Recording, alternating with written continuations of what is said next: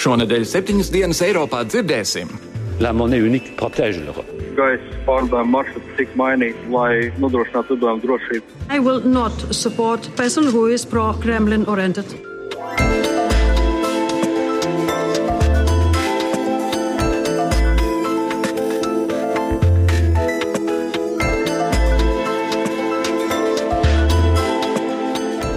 Labdien, klausītāji! Kā ierasts nedēļas pirmajā darba dienā ar jums atkal kopā ar raidījumu septiņas dienas Eiropā, kurā atskatāmies uz notikumiem Eiropā un arī citur pasaulē. Ar jums kopā nākamos 45 minūtes apmēram būšu es Kārlis Streips.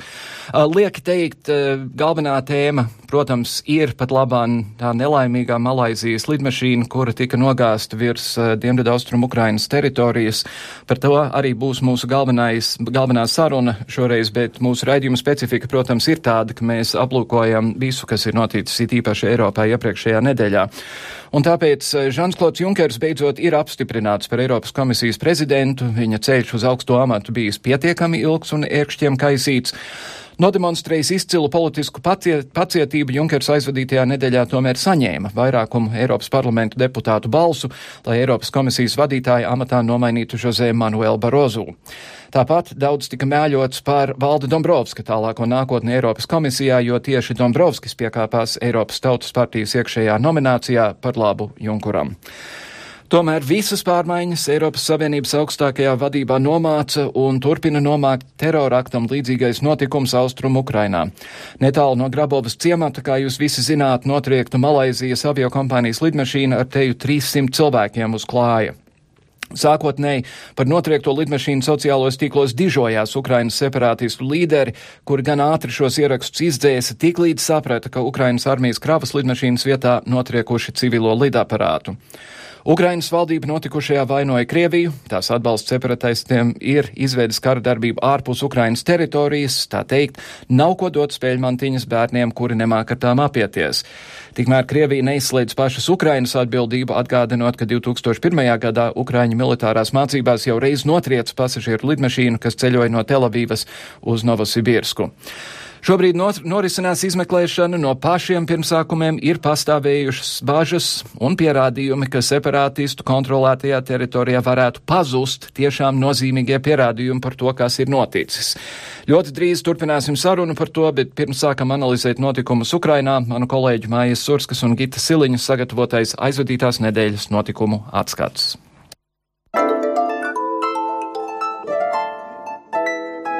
Nedēļas otrā pusē pasauli satrieca ziņa, ka ceturtdien virs Ukrainas austrumiem tikusi notriekta Malaisija Airlines pasažieru lidmašīna, kas no Amsterdamas bija devusies uz Kuala Lumpuru. Lidmašīnas katastrofā nogalināti 298 cilvēki. Kopumā lidmašīnā atradās deviņu pasaules valstu pilsoņi. Startautisko attiecību eksperts profesors Roberts Englišs pieļauj, ka šis notikums varētu kļūt par iemeslu nopietnas spiediena izdarīšanai pret Krieviju. Viņa prāta tas liks Krievijas prezidentam Vladimiram Putinam pāraut saikni ar separatistiem. Saistībā ar traģēdiju tika sasaukta ANO drošības padomes ārkārtas sēde. Darba pilnā nedēļā pirms sešām dienām balsojumā Strasbūrā, kā tas bija gaidīts, Eiropas komisijas prezidenta amatā apstiprināja bijušo Luksemburgas premjeru Žanu Klodu Junkeru. Tiesa parlamentāriešu reakcija Eiropas veterāna uzrunai pirms balsojuma skaidri norādīja, kādēļ viņa ievēlēšana bijusi tik mokoša. Vislielākos aplausus Junkers izpelnījās, kad aicināja uz solidaritāti migrācijas jomā, bet svilpienus un protesta saucienus izpelnījās, kad deklarēja, ka eiro aizsargā Eiropas ekonomiku. Vienota valūta nedala Eiropu, vienota valūta aizsargā Eiropu. Aizsargā, aizsargā Eiropu, aizsargā.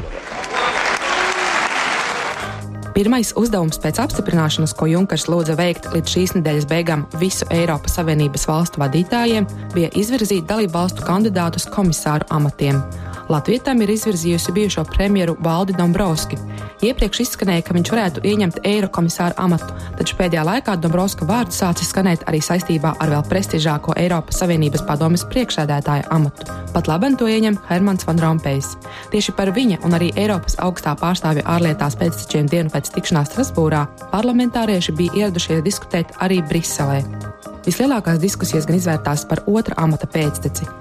Iepriekš par galveno kandidāti uzskatīja Itālijas ārlietu ministri Federico Mogherini, taču Austrumēropa ar Lietuvas prezidenta Daļu Gribauskaita priekšgalā asi iebilda. Es atbalstīšu to, kurš ir pieredzējis ārlietās. Es atbalstīšu to, kurš ir neitrāls un atspoguļo visu dalību valstu nostājas ārpolitikā. Es neatbalstīšu tādu cilvēku, kurš ir prokremlisks. Nespējot atrast kompromisu, Eiropas Savienības līderi nolēma ar abu nozīmīgo amatu kandidātiem atkārtoti lemt pēc mēneša. Vienlaikus Eiropas Savienības līderi samitā vienojās paplašināt sankcijas pret Krieviju. Sārakstu izveidos līdz jūlijā beigām, un tas attieksies uz atsevišķiem cilvēkiem, kuri materiāli atbalsta pret Ukrainas valstiskumu noskaņotās Kremļa amatpersonas. Tas nozīmē, ka Eiropas Savienības sankcijas var tikt vērstas arī pret Krievijas oligarhiem.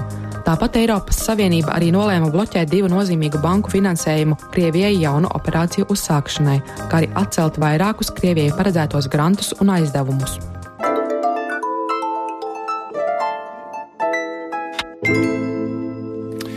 Lūk, eh, Gita Siliņas un Maijas Surkas sižets eh, gadījumā, ja tas nebija pilnīgi skaidrs, eh, saruna par otru lielo amatu, protams, bija par Eiropas Savienības ārlietu pārstāvi galveno, un tā bija Federika Mogīnī, kura it kā esot pārāk krieviska, Krievijas simpatizētāji. Notriektā lidmašīna virs Ukrainas aiznesa teju 300 cilvēku dzīvības un izraisīja šoku un nosodījumu pasaulē. Malaizijas valdības vadītājs nespēja vārdos izteikt, cik smagi valsts pārdzīvo savas lidmašīnas bojā eju debesīs virs Grabovas ciema pašā Krievijas pierobežā. Tajā pašā laikā aviācijas eksperti vērtē, ka 10 līdz 11 km augstumā lidmašīnām reti kād notiek tik lielas ķibeles, lai iznīcinātu lidaparātu pilnībā. Mēdījus ātri pārņēma arī sarunu atšifrējumi, kuros Donbassas apgabala separātisti ziņo par pasažieru lidmašīnas atlūzām. Apkārtnē izmētātas mantas, lidmašīnas fragmenti, pasažieru personīgās lietas, pases ieskaitot. Tas viss kļuva par acīm redzamu pierādījumu, ka kara darbība Ukrainā nav nekāda valsts iekšējā problēma. Lai arī Krievija uz brīdi centās radīt priekšstatu, ka uzbrukums patiesībā ir mērķēts pa prezidenta Putina lidmašīnu, maz ticams, ka lielākais separātistu draugs pats riskētu lidot virs konflikta zonas. Toties pēc uzbrukuma Malaysia Airlines lidaparātam pāri Ukrainas austrumiem vairs nelidoja neviens. Par Amsterdamas Kuala Lumpūras reisa bojā eju vairāk klausieties Jāņa Kropa sagatavotajā sižetā.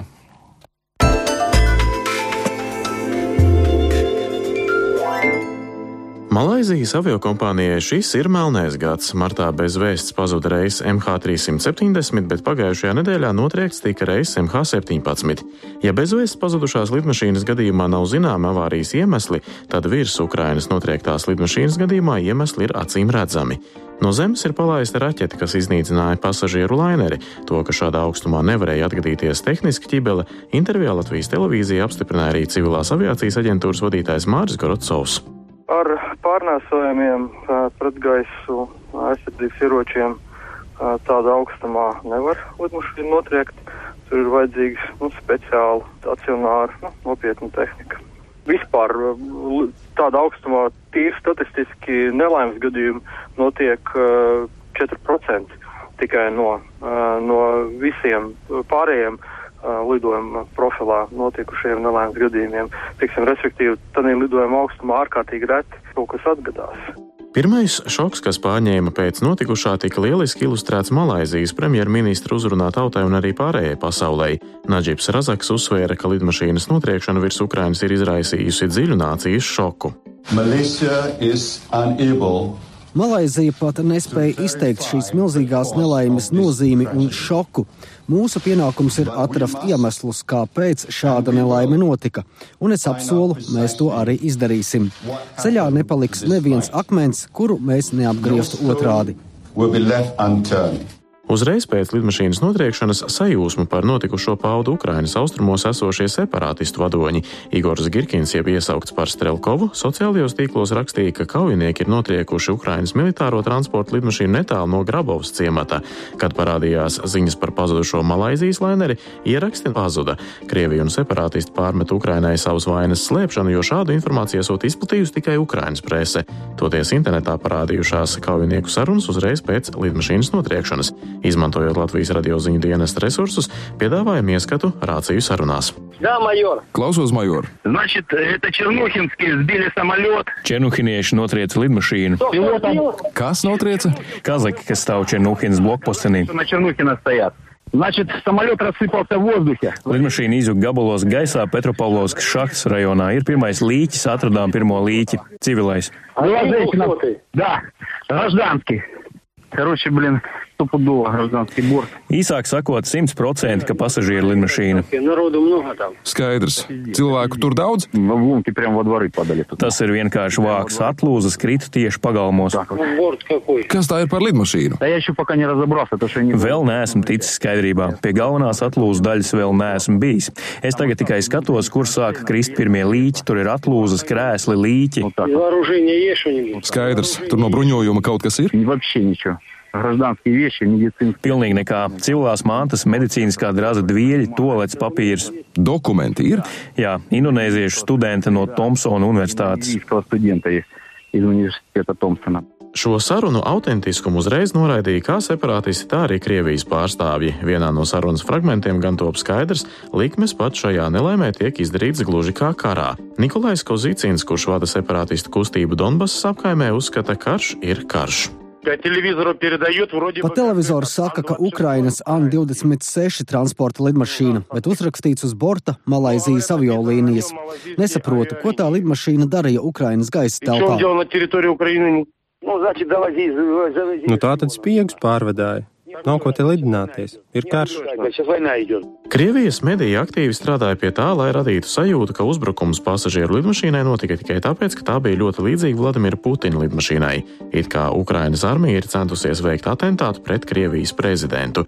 Taču Krievijas amatpersonu vienaldzību ir grūti slēpt pat pašām amatpersonām, piemēram, televīzijas kanālam Dožģis sniegtajā intervijā Krievijas valsts domas ārlietu komisijas priekšsēdētāja vietnieks Leonīts Kalašņikovs neuzskatīja par nepieciešamību pat atrast vainīgos. Komisija kaut kā reaģēja. Kā jūs domājat, kurš ir vainīgs? Nu, kā komisija var rēģēt, ja tā ir atvaļinājumā? Man pašam tā ir pirmā dzirdēšana. Šobrīd esmu komandējumā. Нет, первый раз слышу, я сейчас в командировке нахожусь. Bet jūsu pašu viedoklis, pirmā reakcija par notikušo? Первые выводы, по крайней мере, какие у вас? Моя личная реакция основывается на том, что я Mans слышу... viedoklis ir balstīts informācijā, ko es redzu un dzirdu ziņās. Lidmašīna notriec lielā augstumā, un tam ir nepieciešama īpaša tehnika. Tāda tehnika ir Ukrainas armijas, bet ne kaujinieku rīcībā. Поэтому при всем желании ополченцы, которые вооружены этими ПЗРК, не могли сбить. Ну, я думаю, что... Bet kāpēc jūs domājat, ka kaujiniekiem nevarētu būt tādi ieroči? А, Девушка, а вы не перебивайте меня, вы подслушайте. Meitenīt, nepārtrauciet mani. Klausieties, ko es saku. Neveiks teikties ar secinājumiem. Izpētīs melnās kastes un viss taps skaidrs. Bet ko jūs tur jautājat?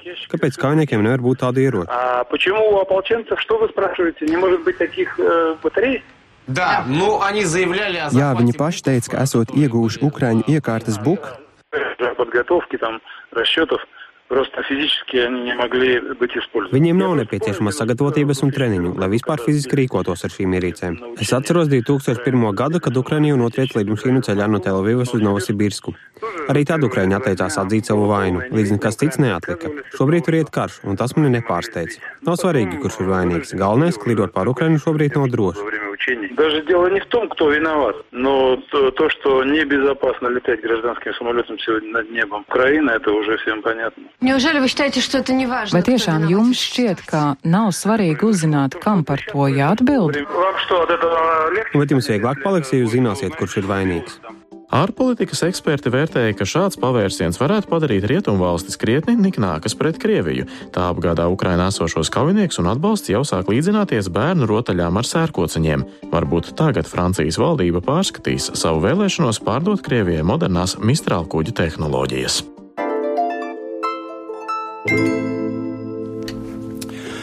Atsevišķi Latvijas politiķi jau ir spēcīgi nosodījuši to, kas ir noticis. Ārlietu ministrs Edgars Rinkevičs ir paudis pārliecību, ka pēc šāda notikuma Eiropai un pasaulē ir jāpalīdz Ukrainai iztīrīt teroristu perēkli savas valsts austrumos. Kā zināms, un kā ir ziņots arī Latvijas radio, šodien ārlietu ministrs paziņoja, ka vairāki redzami kultūras pārstāvji no Krievijas tomēr šogad netiks laisti Latvijā iekšā, lai piedalītos jaunajā vilnī. Tikmēr Krievijas opozicionārs Boris Ņemcovs atklāti ir teicis, ka uzbraukums Malaizija Malaysia Airlines eh, lidmašīnai ir pielīdzināms 11. septembra terora aktiem. Kādai būtu jābūt starptautiskās sabiedrības reakcijai un vai ir taisnība starptautiskās politikas ekspertiem, kuri saka, ka Krievija ir aizgājusi tik tālu, ka ar sevis iesākto konfliktu nu jau apdraud visu pasauli, ne tikai Ukrainu? Uz sarunu šodien esam aicinājuši Saimas ārlietu komisijas vadītāju Ojāru Kalniņu. Labdien! Labdien! Jūsu komisija arī ir atvaļinājumā, tā kaut ko dara? Nu, atvaļinājumā neesam, jo ja es arī esmu uz uz vietas. Šodien bija Eiropas lietu komisija. Uh, Mēs turpinām sekot notikumus. Mēs tikamies ar ārlietu ministru šorīt, uzklausījām viņu. Viņš rītā būs Briselē. Briselē uh, Eiropas Savienības līderi tiksies un apspriedīs, ko tagad darīt. Uh, Manuprāt, tas svarīgākais, ko, ko teica, ir, ka it kā beidzot uh, pasaule sāk saprast, ka tas, kas notiek Ukrainā, neietekmē tikai Ukrainu vai Krieviju, bet visu pasauli. Man liekas, ka mēs to Latvijā jau teicam februārī, kad uh, uzsākās sākās šis karš pret Krimu, Krimas aneksiju, bet vēl tad ne visi tam gribēja ticēt. Es domāju, beidzot tagad, ka 190 nīderlandieši gājuši bojā, ka nevainīgi cilvēki lidojot no Amsterdām uz Kuala Lumpuru iet bojā, tad viss sāk saprast, ka tas ietekmē visus. Un tāpēc, ja mēs redzam kādu pozitīvu pazīmi no visu šo te, ka tas varētu beidzot apvienot gan Eiropas Savienību, arī amerikāņu rīcība bijusi ļoti stingra. Uh, viena interesanta lieta ir, ka uh, ir bijis principā milzīgs klusums no Putina. Ja mēs atceramies, tad ceturtdien, kad šis notika, tad viņam bija viens īsts paziņojums, kur it kā viņš vainoja Ukrainu dēļ to, ka tas lidmašīna nokrīt Ukrainas teritorijā, tātad it kā viņiem ir tā atbildība. Bet no tā brīža bija klusums. Un tikai vakar vai šorīt pirmo reizi viņš ir kaut kur nu, parādījies. Viņš ir piezvanījis Austrālijas premjeram un teica, ka eh, viņš ir gatavs darīt visu, lai, lai palīdzētu nu, veidot starptautisku izmeklēšanas komisiju. Laikā, kad jau visi pierādījumi ir separātisti izvasāti. Protams. Uh, viņš neko citu nav teicis, bet es esmu lasījis vairākus ekspertus, un viņi saka, ka tā ir no vienas puses tā ir ļoti nozīmīga nu, parādība no Putina, ka ja viņš ir sagatavots, ja viņam ir stratēģija, viņš tūlīt nāk ar paziņojumiem, kā mēs redzējām Krimas laikā. Viņam bija preskonferences gandrīz katru dienu. Šoreiz viņš klusēja un ir skaidrs, ka viņš pats īsti nezina, ko darīt. Un no vienas puses tas ir būtu tas bīstamākais, ir, ka šie separātisti, šie teroristi, kas ir Ukrainā, viņi nav zem neviena kontrola. Uh, un es domāju, ka tas nav tikai bīstam Ukraiņas iedzīvotājiem, Eiropas iedzīvotājiem, agrāk vai vēl. Tas ir draudz arī Krievijas iedzīvotājiem, jo tīpaši, ja viņi atgriežas pāri robežai Krievijā, ko viņi darīs? Uh, cik mēs redzam, viņi ir puspiedzērušies, uh, apbruņot ar ieročiem, uh, ļoti prasa domājoši, necilvēciska rīcība pret, uh, pret uh, mirušiem. Uh, es domāju, ka viņi ir bīstami jebkuram, uh, uh, jebkurai valstī, un es domāju, ka šī ir milzīga problēma Putinam, un otrais ir, ka tas starptautiskais spiediens tagad milzīgi pieaugs. Mm -hmm. ja, par, ja par to kas kontrolē separātistus. Ir zināms, ka pirms apmēram trīs nedēļām Pentagonā Amerikas galvenais ģenerālis Eiropā ziņoja preses konferencē, ka ir uzskatāmi pierādījumi, tā skaitā foto un satelīta attēli, kuros ir redzams, kā Krievijas militāra personas apmāca separātistus šo smago ieroču izmantošanā. Te mēs dzirdējām, nu pat Krievijas parlamenta pārstāvi sakam, nē, nē, viņi jau neko neprot, viņi tā kaut ko nevarētu izdarīt. Toreiz neviens nepievērs tam uzmanību, bet acīm redzot, tie separātisti ir apmācīti še, šī buka. Jā. izmantošanā, neatkarīgi no tā, kur viņi to dabūja. Jā, un uh, atkal uh, tur ir, ir ziņas, kad ir pat nofotografēts, kad šī tehnika ir pārvest apakaļ pār pa robežu, apakaļ uz Krieviju. Uh, bija viena ziņa, kad it kā daži tur Krievi, nu, konsultanti ir, ir uh, apturēti, uh, vismaz Ukraiņas uh, policija to saka. Tā kā ir grūti pateikt, bet es ļoti šaubos, ka šie separātisti rīkojās bez kaut kāda padomu došana no Maskavas vai bez konsultantiem. Un vienā citā sarunā, ko, ko, ko dzirdēju, viņi pat tieši par to runāja. Viņi runāja par to melno kastu un teica, ka nu, mums tas ir jāatrod, jo mums ir instrukcijas no Maskavas, ka mums ir tas jāatrod un jānodod viņiem. Tā kā viņi atklāti par to runā, kad viņiem nāk instrukcijas no Maskavas. Mm -hmm. Tā, tad, tā problēma tagad ir, ka, protams, mēs šo, šo traģēdiju vairs nevaram novērst, tas ir noticis. Jautājums ir, kā mēs rīkojamies pret Maskavu, pret Krieviju. Uh, vai Putins ir beidzot gatavs apturēt šo agresiju pret Ukrainu, uh, saprotot, ka tas nenāk pa labu ne Krievijai, ne Ukrainai, un ka viņš vairs nevar kontrolēt situāciju. Uh, manuprāt, būtu daudz prātīgāk no, no Putina puses pateikt, nu, labi, e, strādāsim kopā, vismaz tos teroristus izvāksim, tā kā, tā kā ārlietu ministrs jau ir teicis. Jo ir skaidrs, šie ir teroristi. Viņi nav nekādi uh, patrioti, viņi nav nekādi ideoloģiskie cīnītāji, viņi ir, viņi ir mežoņi. Mm -hmm.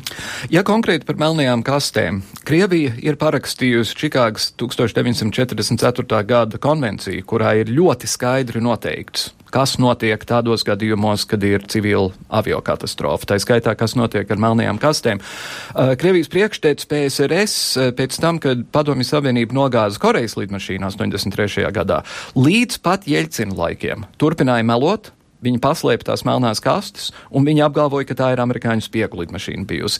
Šoreiz viss ir daudz skaidrāk redzams nekā lidmašīna, kas nogāžās Sahalīnā nakts mm -hmm. vidū. Uh, vai, vai, vai ir gaidāms, ka Krievija turpinās mēģināt, kāpēc Krievijai būtu tās kastes vajadzīgas? Tas notika Ukrainā. Pirm, jā, pirmkārt, tas ir neloģiski, jo, jo ja, ja Putins teica, ka tā ir Ukrainas problēma, tad kāpēc Krievijai tur būtu jāiejaucās? Otrais ir, es vēl īsti nesaprotu, ko no tām melnām kastēm varēs uzzināt. Ja tā ir taisnība, ka to raķeti notriek to lidmašīnu, tad tur jau nekādas pazīmes nebūs pirms tam, kad ir kaut kāda problēma vai brīdinājuma. Tā ka es pat nezinu, vai, vai tas kaut ko vairāk pierādīs. Es gan, es gan vakar vai aizvakar skatījos aviācijas ekspertu televīzijā, kura teica, ka būtībā taisnība tur nekāda brīdinājuma nevarēja būt, bet tās melnās kastes pateiks precīzi, cikos tā, tā raķeta trāpīja un precīzi, kur tā lidmašīna tajā brīdī atradās, un no tā varot izrēķināt, no kurienes uh, viņi, tā raķeta ir nākusi. Bet, uh, ja tās melnās kastes nonāks Maskavā, tad mēs neko precīzi neuzzināsim, vai es visu varu izmainīt. Uh, kā mēs dzirdējam no, no ASV ārlietu ministra Kerry, ir, ir ļoti pārliecinoša informācija, kad, kad tas ir nācis no, no no separātistu rajona, ka tā ir bijusi krieva tehnika. Tas, tas viss, es domāju, ka tur nevienam nav šaubas. Jautājums tikai ir, kā Krievija tagad rīkosies tālāk un kā mēs kopīgi ar Eiropu un ar NATO un amerikāņiem uz šo reaģēsim. Kas, ko mēs varam darīt, lai šādu lietu apturētu? Man cerība ir, ka, tas, ka tā reakcija nebūs tikai uz šo notikumu, bet vispār varēs kaut kādā veidā apturēt šo, šo milzīgo agresiju pret Ukrainas valstu kā tādu. Mm -hmm. Man liekas, ka šī gadījumā, ja, ka Putins vairs nekontrolē situāciju, viņš ir aizgājis pat tālu. Un, un, ja viņš turpina klusēt, tas tikai parāda, ka viņš īsti nezina, ko darīt. Un no vienas puses tas ir bīstami, jo var būt divas reakcijas. Viens var piekāpties, bet es ļoti šaubos, vai viņš viņam nedara. Viņš nevar atzīties Krievu tautai, kad, kad valsts ir kļūdusies. Uh, Otrais ir, ir e, turpināt šo karu un vēl stingrāk, bet tad es domāju, ka tā pretreakcija e, no Eiropas būs daudz stingrāka.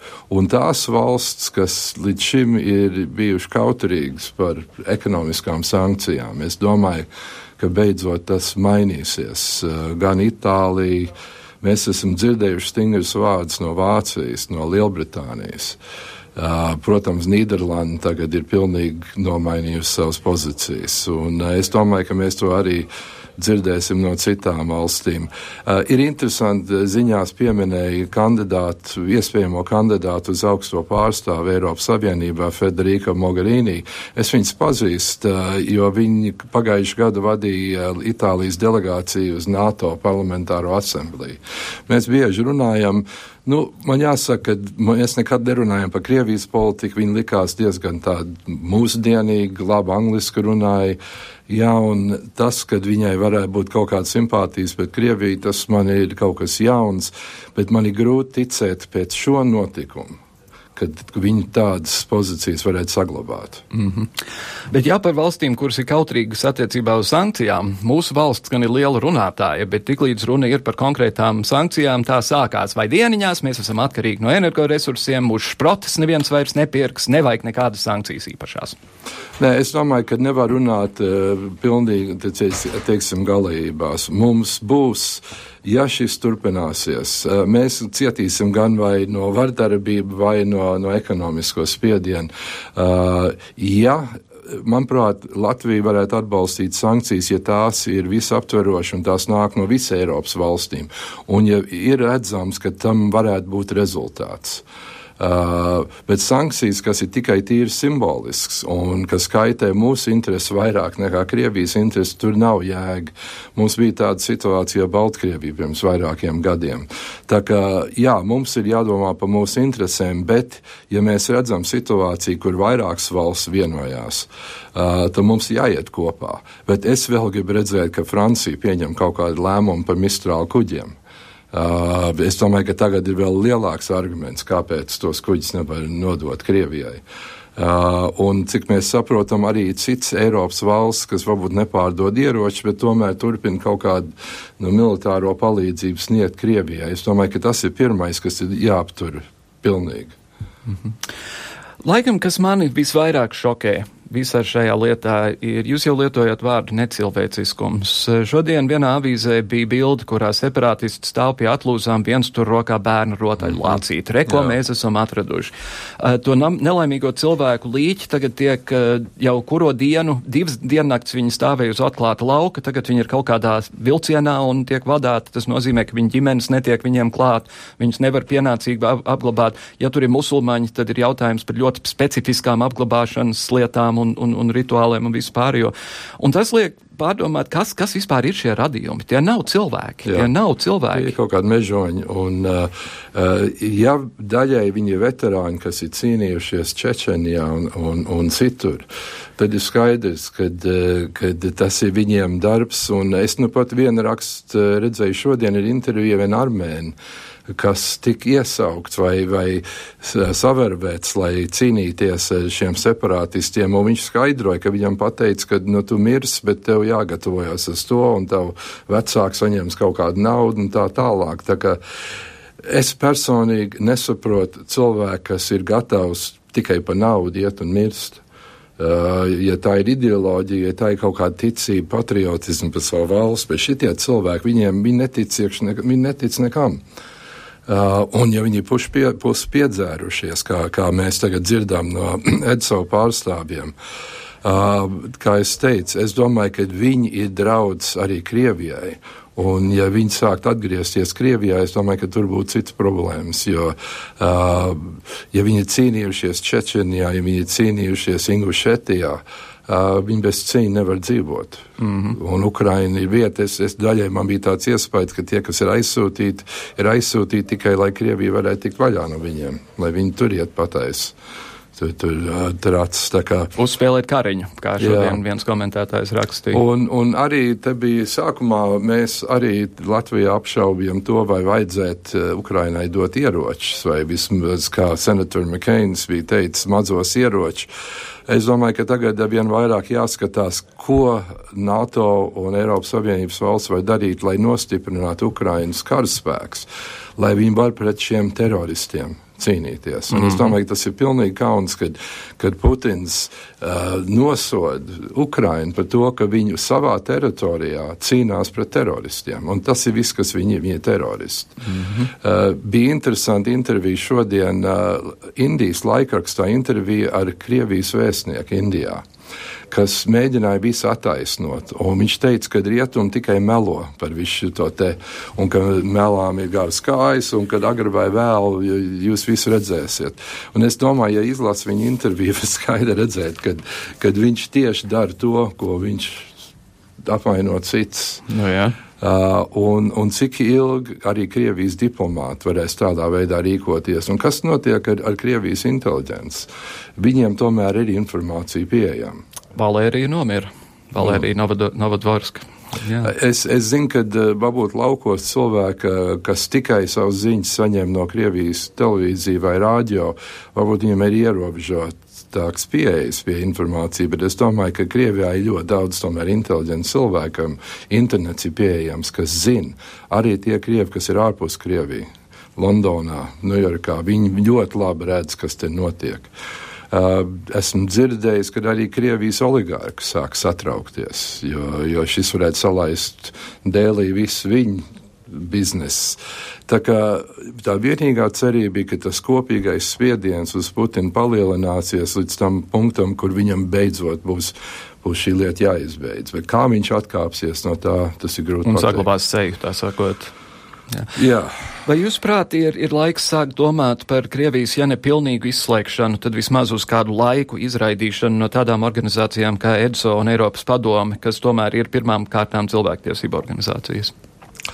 Uh, jā, redziet, mēs NATO parlamentārā asamblējā uh, izslēdzam Krievijas delegācija, viņiem bija nu, asos, asociētā status, viņi varēja nākt piedalīties debatēs, un mēs sapratām, ka tur nav jēga viņiem ļaut piedalīties, jo viņi nāca ar tādu tīru propagandu un nebija konstruktīvi.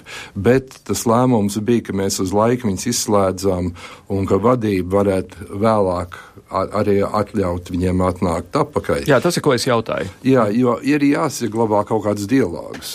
Pilnīgi izolēt Krieviju nevar. Ja Krievija kļūst par Ziemeļu Koreju, Krievija daudz lielāka, varbūt daudz bīstamāka, un, un Ziemeļkoreja varbūt var izolēt, viņa pats sevi izolē. Simtprocentīgi izolēt nevar, bet es domāju, ka uh, ir jāapsver šīs lietas un, un jārunā par to. Varbūt viņiem vismaz ierobežot viņu veto tiesības, viņu balss šādās organizācijās, jo, jo šajā brīdī tā ir tīra liekulība runāt, ja Krievi runā par cilvēku tiesībām un par terorismu apkarošanu, viņi paši atbalsta teroristus kaimiņu valstī. Jā. ANO, ANO drošības padomē droši vien viņiem nevar atņemt veikto. Nē, diemžēl to, to nevar. Un, un šodien, šovakar Latvijas laikā arī ANO drošības padome pieņems kaut kādu lēmumu. Būs interesanti redzēt, kā Krievijas pārstāvs balso. Mm -hmm. uh, kādai vajadzētu būt Latvijas uh, pārvaldes attieksmei pret jauno vilni šonedēļ? Tas ir kultūras pasākums. Personīgi, man personīgi nav, nav interesi, kas tur notiek. Es to valodu nesaprotu. Man tā, tā kultūra neinteresē. Uh, es domāju, ka šajos apstākļos tas nebūtu pārāk labi tur uh, oficiāli gozīties uh, ja būtu mierīgi uh, laiki, ja būtu pilnīgi citi politiskie apstākļi, tad katrs var darīt, ko viņš grib. Man nekāda problēma nav ar, ar krievu kultūru, ar krievu valodu, mūziku, bet šie nav normāli apstākļi. Un ja patiešām Krievijas kultūras cilvēki ir aizstāvējuši Putina rīcību, ir aizstāvējuši Kriemas aneksiju, tad viņi vairs nav tikai kultūras pārstāvji, tad viņi arī kļūst par politiķiem. Un, manuprāt, pret tādiem cilvēkiem ir jārīkojas kā pret arī pret politiķiem vai oligarkiem, kas, kas atbalsta nelikumīgu un necilvēcisku rīcību. Tā skaitā, iespējams, šogad beidzot mūsu valsts prezidentam saprotot, ka tos cilvēkus nevajag aicināt uz pieņemšanu pie sevis? Nu, es, es personīgi cerētu, ka nē. Es nedomāju, ka šis ir tas laiks, ka varētu vajadzēt uh, sabiedroties ar, ar, ar, nu, ar cilvēkiem, kas atskaitot, jo viņi ir gatavi publiski nosodīt to, kas ir, kas ir noticis Ukrainā, bet es to nesagaidu no viņiem. Jā. Vai jūs tiešām ticat, ka Eiropa nonāks pie kaut kāda kopsaucēja par šo lietu? Es ļoti ceru. Es ceru, ka vismaz tuvāk pie tā Eiropa nekad nevarēs simtprocentīgi vienoties par neko. 28 valsts uh, tas ir neiespējams. Bet es domāju tāpat kā Nīderlandē, kad, kad valsts sāk izjust savu ādu. Uh, to, kas notiek Ukrajinā, un viņi saprot, ka viņi arī ir apdraudēti. Tad viņi sāk savādāk rīkoties. Uh, mēs zinām, ka visi šie notikumi Ukrajinā un Krīmas aneksija ir likusi visām Eiropas valstīm domāt par enerģētisko neatkarību. Un tas, to mēs nevaram uzreiz atrisināt, bet ir skaidrs, ka tas tagad tā tendence ir uz to pusi. Mēs visi tagad meklējam jauns avots. Un ilgtermiņā tas būs milzīgs zaudējums Krievijai, un ar to Putins nav rēķinājies. Uh, es, es redzu lielāku vienotību Eiropā tagad. Katru reizi, kad šāds trieciens notiek, katru reizi, kad, uh, kad Putins šādā veidā rīkojās, viņš apvieno Eiropu. Uh, vismaz attiecībā pret Krieviju. Un, uh, redzēsim rīt un parīt. Es ceru, ka būs lielāka vienotība, un šī gadījumā es nevienmēr piekrīt Amerikas politikai vai ASV rīcībai, bet es domāju, ka šeit ir ļoti labi, ka amerikāņi ir ieņēmuši ļoti stingru pozīciju un ļoti skaļi pateikuši, kas, kas, kas kas ir realitāte. Mm -hmm. Saimnes ārlietu komisijas vadītājs Ojārs Kalniņš. Paldies par Paldies, kā. Mūsu raidījumā, dāmas un kungi, kā vienmēr, mēs ne tikai atskatāmies uz to, kas notika pagājušajā nedēļā, bet drusku mēģinam prognozēt arī to, kas notiks jaunedēļ. Rīgas Stradiņa Universitātes profesore Ilga Kreituse par aktualitātēm Eiropas komisijā. Tas ir jautājums par to, kas notiks Eiropas Savienības vadošo posteņu sadalē. Jo mums šobrīd visu laiku tā gan arī vai tiek solīts perspektīvā, ka Dombrovska kungam varbūt būs tas, varbūt būs tas, bet šobrīd sāk parādīties jaunas vēsmas, jo Eiropas Savienība sāk vadīties pēc tādiem skandināvu principiem, vai arī mazliet kaut kur vēl atpakaļ uz padomju gadiem, kad vajadzēja proporcionāli būt tik un tik sievietēm, tik un tik vienas partijas pārstāvim, tik un tik otras partijas pārstāvim, lai spārnam. Tāpēc būs ļoti interesanti, kā Eiropas Savienībā notiks reāli praksē šo posteņu dalīšana, šī savstarpējās vienošanās, jo mēs redzējām, kā notika ar Junkeru kungu šīs vienošanās, un man šķiet, ka mēs vēl līdz galam neesam izdzirdējuši tos apakšu ūdeņus un apakšu akmeņus, kas bija tas garants, ka tas kuģis nenogrim, bet Junker kungs tagad varēs turpināt šo peldējumu. Šī lielā starptautiskā tā saucamā BRICS līguma parakstīšana un mēs tikai tagad sapratīsim, jo tur slēdzās savienības starp tādām valstīm kā Ķīna un Krievija, kas ar mums ir cieši saistīts. Tur parādās Argentīnas, Brazīlijas faktors. Tas ir naudas jautājums, un tas ir jautājums par Pasaules banku, un tas ir jautājums par Amerikas Savienoto valstu reakciju uz to, kas notiek. Tas nekādā gadījumā nevar mums paiet garām, jo mēs esam gan NATO locekļi, gan Eiropas Savienības locekļi. Tie, manuprāt, ir tādi lielie notikumi, kas tūlīt, tūlīt, kā saka, arī būs mums aktuāli. Un loģiski karstākais un aktuālākais, kad mēs ieraudzīsim, kuri tad būs tie, kuri gribēs tautai laimi nest 12. saimā un piedāvāt vēlētājiem, kāda tad nu būs tā mūsu Latvija. Viņi nāks ar piedāvājumiem, bet Latvijas iedzīvotājiem tagad būs tas periods, kad jāsaka, jāsaglabā vēsa galva, vēs prāts.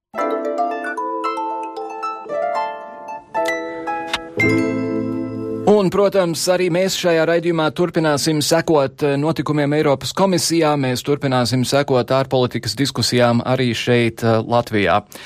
Dāmas un kungi, notikušajā Ukrainas dienvidu austrumos, manuprāt, to simbolizē tas lācītis, ko viens no separātistiem turēja rokā, re, re, ko mēs atradām. To simbolizē līķis, kas izkrita cauri pensionāras mājas jumtam un iekrita viņas virtuvē.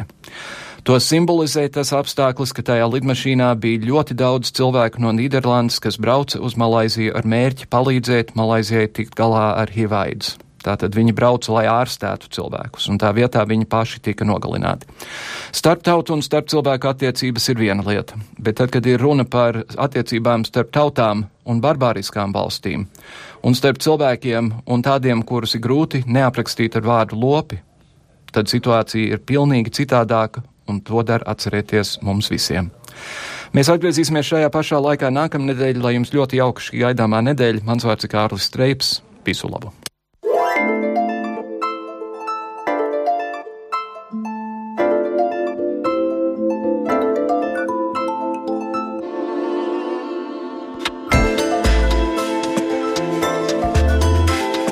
Raidījumu veido Kārlis Streips, Gita Siliņa un Jānis Krops.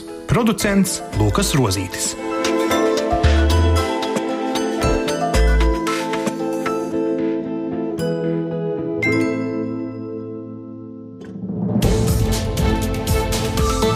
Visus Eironet plus sižetus un raidījumus meklējiet Latvijas radio mājaslapā.